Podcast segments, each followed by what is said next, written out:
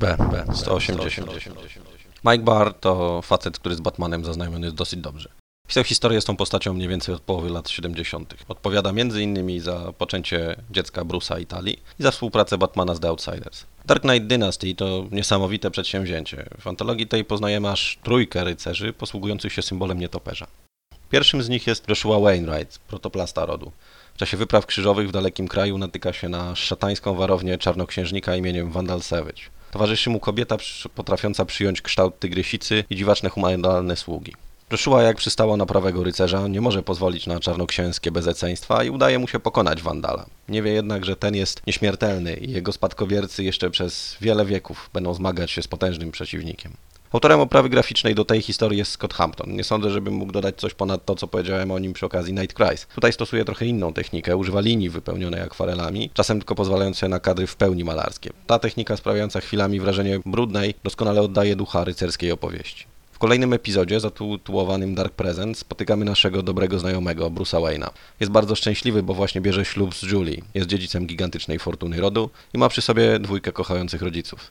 Niestety są to ostatnie chwile jego szczęścia. Już wkrótce okazuje się, że jeden z jego bliskich współpracowników koordynujących kosmiczną akcję ratunkową ma swoje własne, dużo dla niego ważniejsze cele. Aby je osiągnąć, nie zawaha się zabijać, tym bardziej, że jego partnerką jest ukrywająca się w przebraniu stracha na wróble kobieta, która potrafi przerazić każdego, a której ofiarą padają m.in. rodzice Bruce'a. Zainspirowany rodzinną legendą o dzielnym rycerzu Joshua, młody milioner przyodziewa wzorowany na stroju swojego przodka własny strój nietoperza i rusza do walki.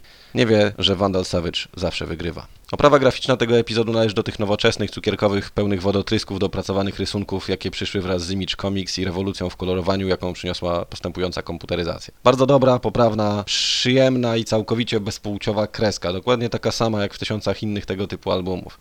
Cieszy oko, ale nie jest niczym, co mogłoby zapaść w pamięć na dłużej.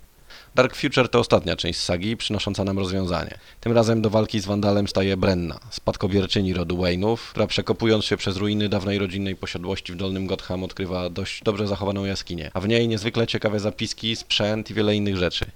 W mieście tymczasem zamieszanie sieje człowiek nazywający siebie prorokiem. Chociaż Batgirl tego nie wie, rachunki jakie ma do wyrównania z tym osobnikiem sięgają całe wieki wstecz, a ma on na koncie przedwczesną śmierć wielu męskich potomków rodu. Ona jest pierwszą, która przeżyła starcie z Wandalem. I chociaż on sam nie zostaje ostatecznie pokonany, to znika wreszcie z tego świata.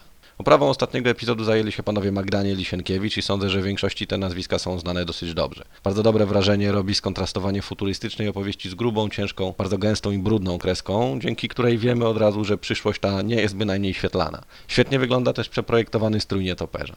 Gdybym miał krótko podsumować ten zbiór, to jest on trochę nierówny. Przeszłość i przyszłość w opowieściach Bara wypadają dużo, dużo lepiej niż dość miałka i sztampowa teraźniejsze. Podobnie jest z oprawą graficzną. O ile Hamptona uwielbiam tak czy siaki, nie dał mi tu powodu do zmiany zdania. O ile Magdaniel i Sienkiewicz stworzyli klimatyczne, nastrojowe ilustracje, to panowie Frank i Smith wchodzili produkt nijaki, całkiem bez charakteru. W takim towarzystwie to jest poważny zarzut. Album przede wszystkim dla fanów alternatywnych wersji, chociaż nie tylko. Spodoba się także tym, którym podobało się na przykład Black and White. Bar opowiada po prostu legendy z kraju nietoperza i opowiada je bardzo dobrze.